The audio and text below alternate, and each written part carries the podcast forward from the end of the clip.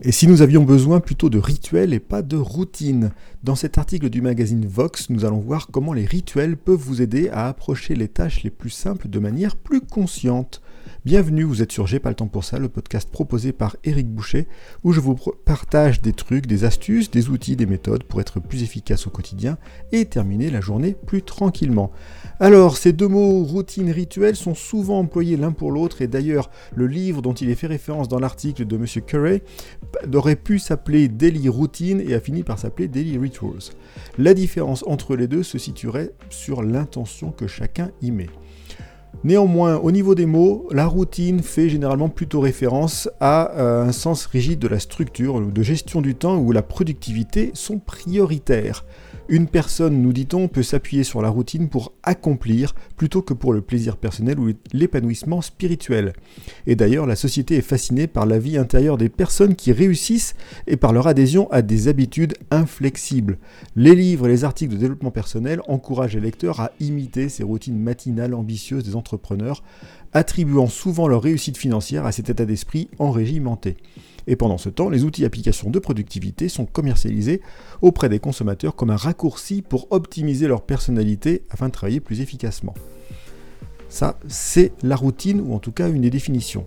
Côté rituel, dans la spécialiste Catherine Bell déconseille, elle, d'avoir une définition ferme sur ce qu'est un rituel et va plutôt parler de rituel authentique ou d'activités de type rituel et de fait de nombreuses activités peuvent devenir des rituels. Les rituels ne sont pas des simples habitudes mécanistes, et si l'on se réfère aux écrits de Dale Wright sur les rituels bouddhistes et zen, on est plutôt sur quelque chose qui facilite la transformation disciplinée du pratiquant, plutôt qu'une routine insensée qui ne pourrait pas le faire. Les rituels dans ce contexte-là ont une intention. Donc vous mettez une intention dans le rituel que vous allez suivre, euh, ce qui va être différent de la routine. Un point intéressant dans cet article, votre rituel à vous peut paraître idiot ou étrange aux autres, mais ça ne devrait pas vous décourager. Lorsqu'un rituel est expliqué ou écrit, l'activité peut paraître trop simpliste ou infructueuse aux yeux des étrangers, et c'est la personne qui va le pratiquer qui sait exactement ce qu'il y a dedans. Et même si euh, l'une des différences est peut-être que les rituels historiquement avaient des connotations spirituelles ou religieuses et étaient exécutés en communauté. Et on passe maintenant à des rituels qui sont plus individualisés, et donc vous allez créer vos propres rituels. D'où cette recommandation dans l'article d'expérimenter, de vous amuser. Les gens changent, nous dit-on, les rituels aussi. Qu'il s'agisse d'un rituel quotidien ou festif, expérimentez, faites confiance à votre instinct. Si le rituel vous convient, euh, continuez-le. Et si ça ne fonctionne pas, essayez donc autre chose.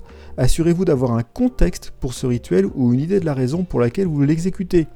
Je vous invite à écouter l'épisode précédent du podcast sur justement l'intention derrière et vous verrez qu'il y a des points euh, communs entre euh, ces deux épisodes.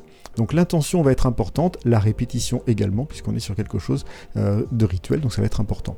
Et l'état d'esprit que vous allez accorder à la pratique. Voilà, routine et rituel, rapidement, le lien sur l'article si vous voulez en savoir plus.